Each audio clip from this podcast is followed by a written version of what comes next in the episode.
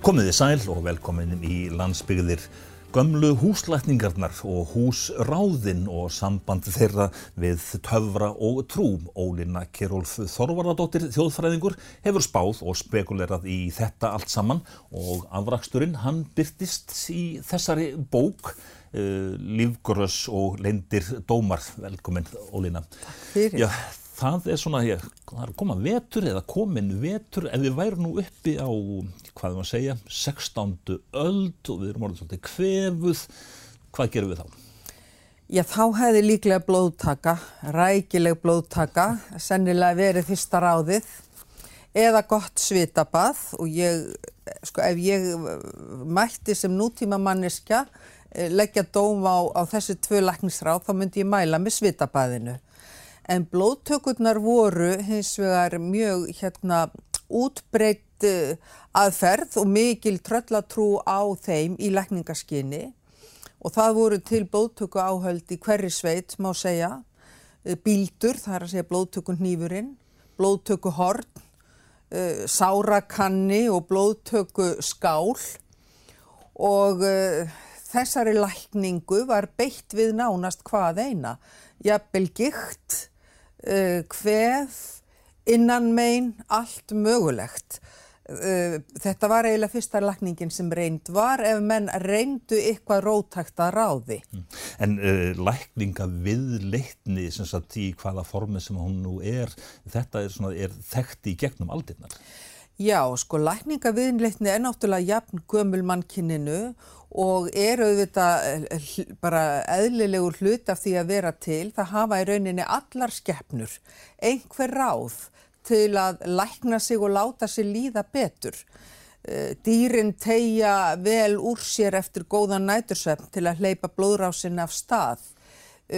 Apar og fugglar tyggja tiltekinn fræ og jurtir til þess að deyfa sársauka eða bæta meldingu.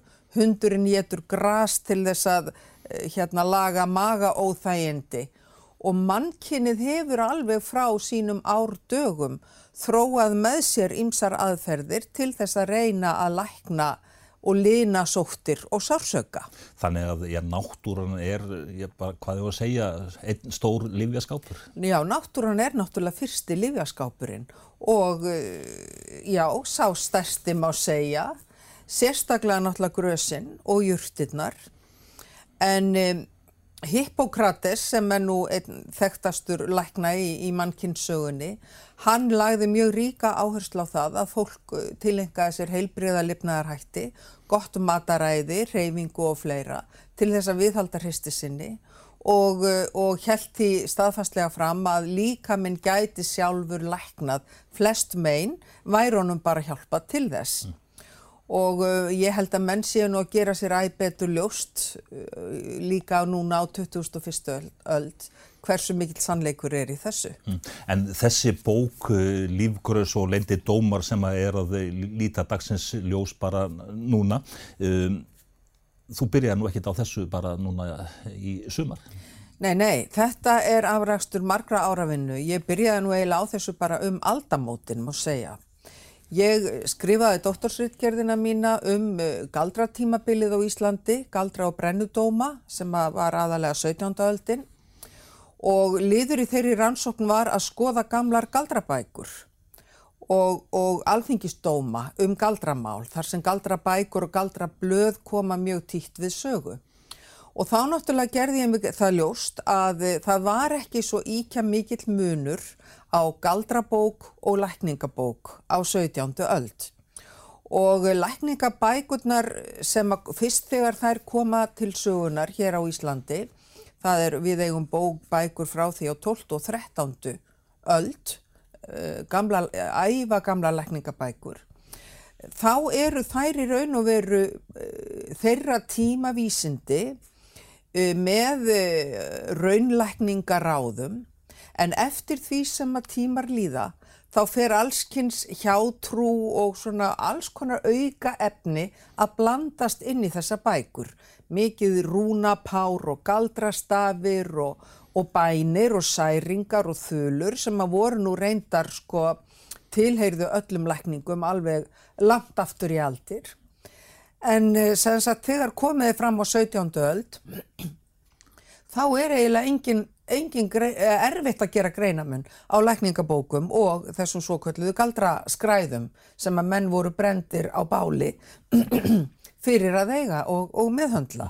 En þegar þú svona, já, svona horfir yfir þetta allt saman og aftur þá í aldir, hvaða lækninga aðferði er þetta að segja eða draga það einhverja dilka, hvaða lækninga aðferði voru algengastar? Já sko það eru í raun og veru það má segja að lækningar hafi þróast sem svona þrískipt grein. Það eru töfralækningarnar sem tengjast auðvitað trúarháttum og, stjó, og, og hérna, stjórnarfari má segja. Það eru handlækningarnar sem að þróast og tengjast mjög stríðsrekstri eins og gefur að skilja og síðan eru það livlækningarnar sem að tengjast manneldi og, og líðheilsu. Uh, töfralækningarnar með tímanum auðvitað eftir því sem nærdregur okkar tímum hverfa inn í mósku þjóðfræðana verða svona skuggagróður sem að í raun og veru deyr svo litið út. En lifir með svona einu með öðrum hætti samt alltaf í gegnum aldirnar. Það var viðurkend til dæmis voru, var trú á náttúrusteina mjög mikil tengd lækningum, lausnarsteinar og, og lífsteinar svo kallaðir þeir fundust og hafa varðveist í eigu til dæmis domkirknanna uh, eins og, eins og hóla, hólakirkju. Þar, þar var til lausnarsteinn sem að hefur þá greinilega verið álitin kristilegt og lögmætt meðal. Þó að gamla okkar elsta lögbók Grágás leggja blátt bann við því að magna steina og leggja þá við fjönað í lækningaskinni eða fólk. En þú nefnir þarna eh, grágás, eh, brennslur. Já, sko, það er minnst á ímsa gamla lækningaaðferðir í grágás og ein af þeim er, er það er minnst þar á lækningabrennslu og hún kemur líka við sögu í, til dæmis í Hrafnsögu Sveinbjörnasonar.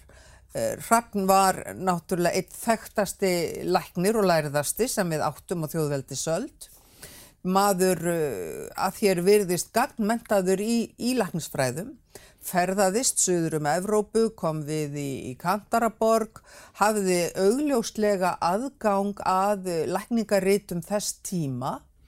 Uh, hann beitti brennslu í lækningaskinni og uh, læknaði meðal annars mann af vitfyrringu með því að brenna díla á enni hans og brjóst og læknaði annan af, af eh, þróta, þrútnum útlimum, þannig að það verið með einhverja bjúsöpnun sá og brendi í lækningaskinni.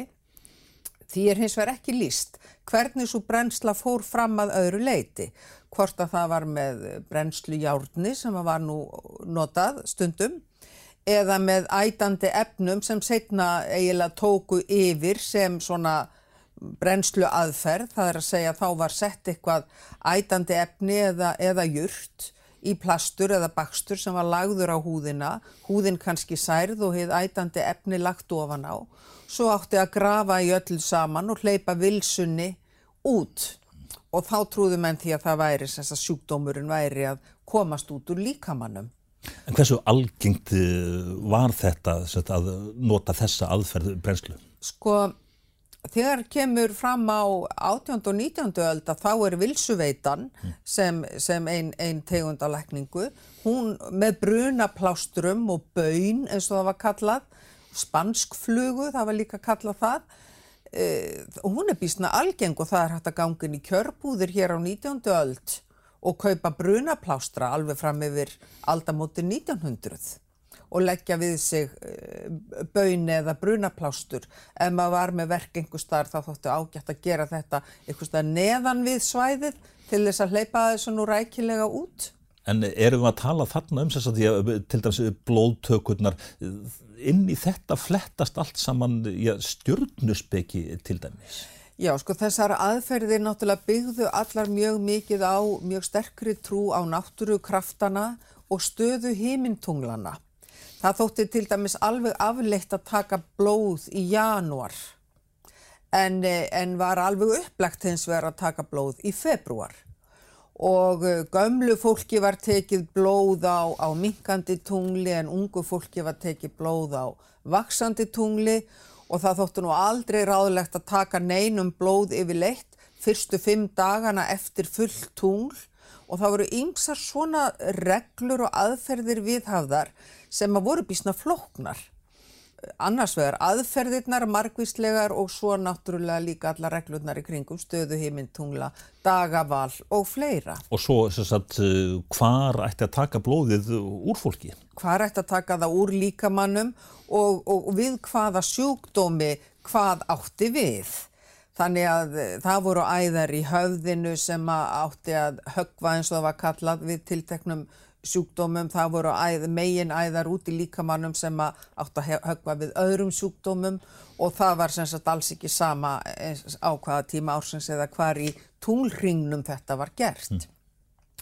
En allt í raun og veru eru þetta, sko byggir þetta á svona þessari hugmyndafræði um að reynsa líkamann uh, og, og menn höfðu mikla trú á því að það þurft að reynsa líka manna vessum, auðvelda, eh, drífa þvag frá fólki, hægðir, losa svita, eh, taka blóð og, eh, og, og í því skyni voru, allar, voru þess, margar þessara aðferða þróaðar. Hreinsun og herðing setja menni gott svitabað, láta þá svitna rækilega en svo gæt náttúrulega blandast saman við það alls konar töfrar og undarlegar aðferðir sem höfðu svo ekkert með sjálfa lekningun að gera. Eins og hjá gíktargræðaranum í, í, í Danmörku sem að setti sjúklinginni í rækilegt svitabað. Á meðan hann e, e, tók treyjuna svitastokkna og brendi hana með einhverjum galdrajurtum og, og, og, og formúlum í opninum og sendi svo sjúklingin bara heimi í hestvagni. Mm. Þarna var einhver tenging sem er ekki alveg gott átt að sig á. En við Íslandikar, við höfum heitt vatn, he he við heita lindir. Við höfum heitt vatn og jarðhitta við það og þess vegna sko beittum við hérna böðum þar sem því var við komið en ekki síst þó júrtonum. Og það er svolítið gaman að taka eftir því þegar maður skoðar eldstulækningahandritinn að þar eru gefnar upp ímsa lækningajurtir við ímsum kvillum en maður tekur eftir því að þetta eru evrópskar jurtir. Þetta eru ekki jurtir sem vaksa viltar á Íslandi. Mm.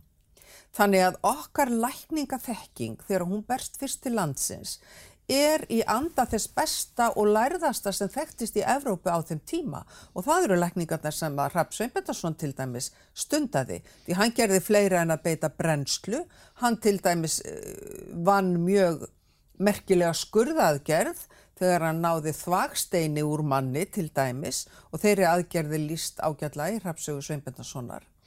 En svo þróast þessi þekking og þegar er komið fram á síðan 17. og 18. öld þá sjáum við líka í lekningabókunum að það eru komnar íslenskar júrtir. Þannig að þekkingathróunin hefur átt sér stað, íslenska flóran er komin inn í fræðin og Við sjáum til dæmis í búnaðabálki Eggerts Ólafssonar og í Grasnitjum eftir Björni Söðlöksdal að þeir kunna ágætt skil á verkun margra íslenskra vildra jurta. En var þetta þá eitthvað svona mismunandi eftir landslutun til, til dæmis?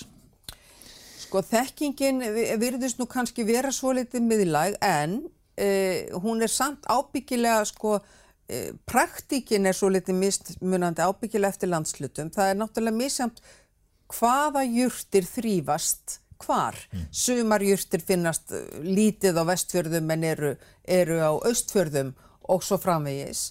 Fjallagrössin voru aðgengilegust upp á heiðum og upp til fjalla og inn, inn til dala á heiðarbílónum. Aftur á móti sölinn og fjörukálið niður við ströndina og þetta verið ábyggilega haft sín áhrif á það hver, hvaða júrtum var sapnað og hvaða júrtir voru notaðar í lækningaskinni. En þegar maður er svona flettir þessari bók að ég, svona, ég hef á, á tilfinningunni að, að þér hafi komið svolítið á óvart eða, eða þú hafið minnst að kosti svona lagt ansið mikla vinnu í úfskurði. Já, ég, ég leita aðeins á það. það. Það er einn undarlegasta lækning, lækninga, lækningatískan sem við sjáum sérstaklega þarna á átjándu og nítjándu öld. Mm að þá er greinilega litið svo á að úfurinn sé já, það sé bara jafnvel hættulegt fyrir fólk að hafa úfinn. Mm, bara aðeins, hérna, úfur er... Úfurinn er tótan aftast í kokinu. Mm. Þegar þú sérð mynd af koki mann með opin munnin, þá gæjist úfurinn niður úr kokinu. Mm. Og uh, menn, menn höfðu trú á því að það var talað um að hann dripi. Það geti komist eitrun í hann og bólgur og það væri vissara bara jafnvel ofta fjarlægan til dæmis úr börnum og uh, ég las í íslenskum þjóðhóttum eftir Jónas og Hrafnagili að hann virtist álítað uh, jafnvel fjórða, fymta hvert barn hefði orðið fyrir úf aðgerð. Mm.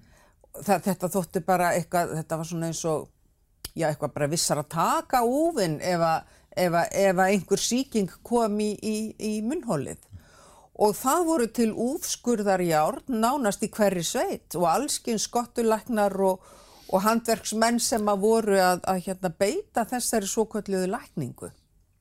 En í dag náttúrulega er ekki tróblað við úpnum í fólki nema, ekki nema það þjáist kannski að kæfi svefni eða einhverjum, einhverjum alvarlegum kvillum, sannanlegum kvillum. En já, þetta var bara, bara stjætt fólks sem bara var í þessu? Já, það sko... Það þróast hérna eh, stjætt handlækningamanna á Íslandi. Það eru bartskerarnir sem koma til sögunar á 15. og 16. öld hér. Þeir eru eins og nafni gefur til kynna upphaflega hárskerar og skeggsnirtar hjá aðalsfólki í Evrópu og, og koma, eh, já við Íslendingar kynnum, kynnumst þeim síðan á 15. og 16. öld. Og eh, Þetta voru menn með góð áhöld, góðan hnífa og góð áhöld og svona sóttrensandi efni og ymmislegt og handlagnir. Þannig að þeir fara með tímanum að taka fleira að sér heldur en að snirta skegg og skera barta. Þeir fara að stinga á kíli og sauma sár og gera ymmislegt og þeir eru í raun og veru fyrsta handlagningastjettin sem við eigum.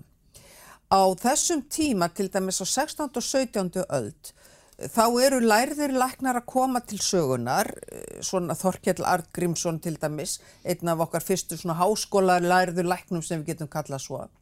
En þeir lögðu sig alls ekki niður við handlækningar. Þeir ástunduðu livlækningar og um, og voru lítið að skipta sér af sárum eða ígerðum eða þess áttar. Þannig að það voru í raun og veru svona fagmenn innan gæsalapp eða yðnað, handiðnaðarmenn sem sáu um sáralækningarnar. Og það eru græðaratnir sem svo eru kallaðir, sem að óbartskeratnir, sem að verða síðan sko þegar kemur fram á 18. og 19. öld að þá er farið að, að tala um skottulækna því þá eru nú bara ímsir farnir að ástunda bæði blóðtökur og aðrar handlækningar þó að strámt tekið hafi menn ekki átt að gera þannig að með eftir fyrirsögn læknis. Mm. Hvað með ég steina og önnur förstefni? Já, sko það var náttúrulega mikið trúað á, á mátt steinat í lækningaskinni og ímsir náttúrusteinar notaðir í því skinni Lausnarsteitnin er nú kannski einna þekktastur og viðurkennastur um aldirnar. Það var í raun og verið ekki stein, heldur uh, nota, mjög létt og þjætt og fallengt nota sem uh, rekur, hefur rekið hér upp að ströndum landsins með öðrum rekaviði og ég vil tala að þetta sé svona einhver svona köngull eða, eða, já, eða fræ af ind, indverskri jurt eða ykkur jurt sem að vex í, Indi, í, í Indíum. En eru, það eru til nokkru lausnasteinar sem hafa varðist á Íslandi. Þetta eru afskaplega fallegi litli hlutir, þjettir í sér, uh, alveg bó, bónfægi slettir og svona hjarta eða nýrnalaga en það voru þeir kallaði stundum hafnýra því að það, þeir náttúrulega koma með, með, með hafströymum og eru svolítið eins og nýra eða hjarta í læginu. Og þetta var nú eitt eh, einn helsta huggun og hjálpræði fæðandi kvenna á Íslandi um aldir og sannilega bara um öll Norðurlönd og hefur verið afskaplega gott að halda á þessu í lofa sér til að, að dreifa huganum og, og, og, og beita, beina einbeitingunni kannski aðeins frá sásuganum. Því að eh, á þeim tíma fram eftir öldum þá náttúrulega fólst fæðingarhjálpin fyrst og fremst í því að sitja yfir konunni, byggja fyrir henni, hugreistana og uh, binda kannski blöð af Margreðar sögu, þar segja sögu heilarar Margreðar um lærið á konunni í hugreistingaskinni og til lausnar. Það var trú á því, og svo var það huggun fyrir veit að halda um lausnarsteinin. Það voru ekki svo mörg önnur ráð sem hægt var að grípa til. En það er einmitt með fæðingarnar að það eru allskynns uh, aðferðir sem að, sem að beitt er í lækningaskinni hvað þetta var þar. Já, það svona, er, það er, það er margvísleg hjátrú, þjótrú sem, að, já, sem að tengist fæðingunum. Sko á, á, á, á þessum tíma, á 16, 15., 16. og 17. öld, þá var sko mjög mikil svona samkendar og líkindafræði, hugmyndafræði í gangi. Menn trúðu því að það mætti lækna líkt með líku. Ef að þú til dæmis uh, varst með fótamein, að þá, þá töldu menn vissara að bera duft af brendum sköplungi á fótameinið, sem sagt, eitthvað af öðrum fæti á, á meinið sem tengdist fætinum. Þátti bara að laga. Já, menn trúðu því og það var kent í Hafnarháskóla meðal annars, alls konar samkendar og líkindalækningar, rauður litur átt að draga fram blóð, gulur litur átt að draga fram gall og svo framvegis. Og þetta kemur líka mjög skýrt fram í fæðingahjálpinni því að ef að kona gæti ekki losna frá barninu eða barni frá konunni að þá uh, þóttu nú vissara kannski að leysa allan hnúta í húsinu til að hjálpa til við þetta eða opna allar dyr og það var mjög mikilvægt að ljósmóðir eða yfirsetu manneskja kom að bæ þar sem kona var í barsnauð að spretta strax af hestinum áður en gengið var í bæin sem sagt losa, leysa, opna og þessi hugmyndafræði var mjög ríkjandi. Síðan var náttúrulega líka mikil trú á hérna jarðarmagnið og hreinsunarmátt og lækningamátt jarð, jarðarinnar.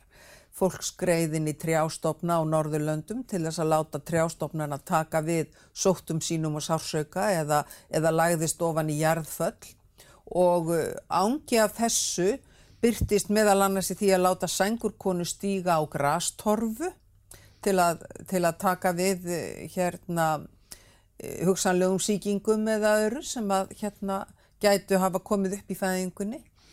En svo er, og við eigum mörg ímis máltæki sem að vísa í þetta eins og að barn góli í grasinu og eh, í, í, í fornkvæðum er talað um börn þau hinn blíðu sem moldveg sportna.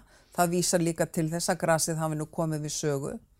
En sennilega tengist þetta nú líka umbúnaði konunar þegar hún er að fæða hér fyrir öldum. Þá var náttúrulega hreinlætis aðstæða með allt öðrum hætti og það var nú kannski ekki mikið hreinlæti fólkið í því að láta hana fæða í rúminu.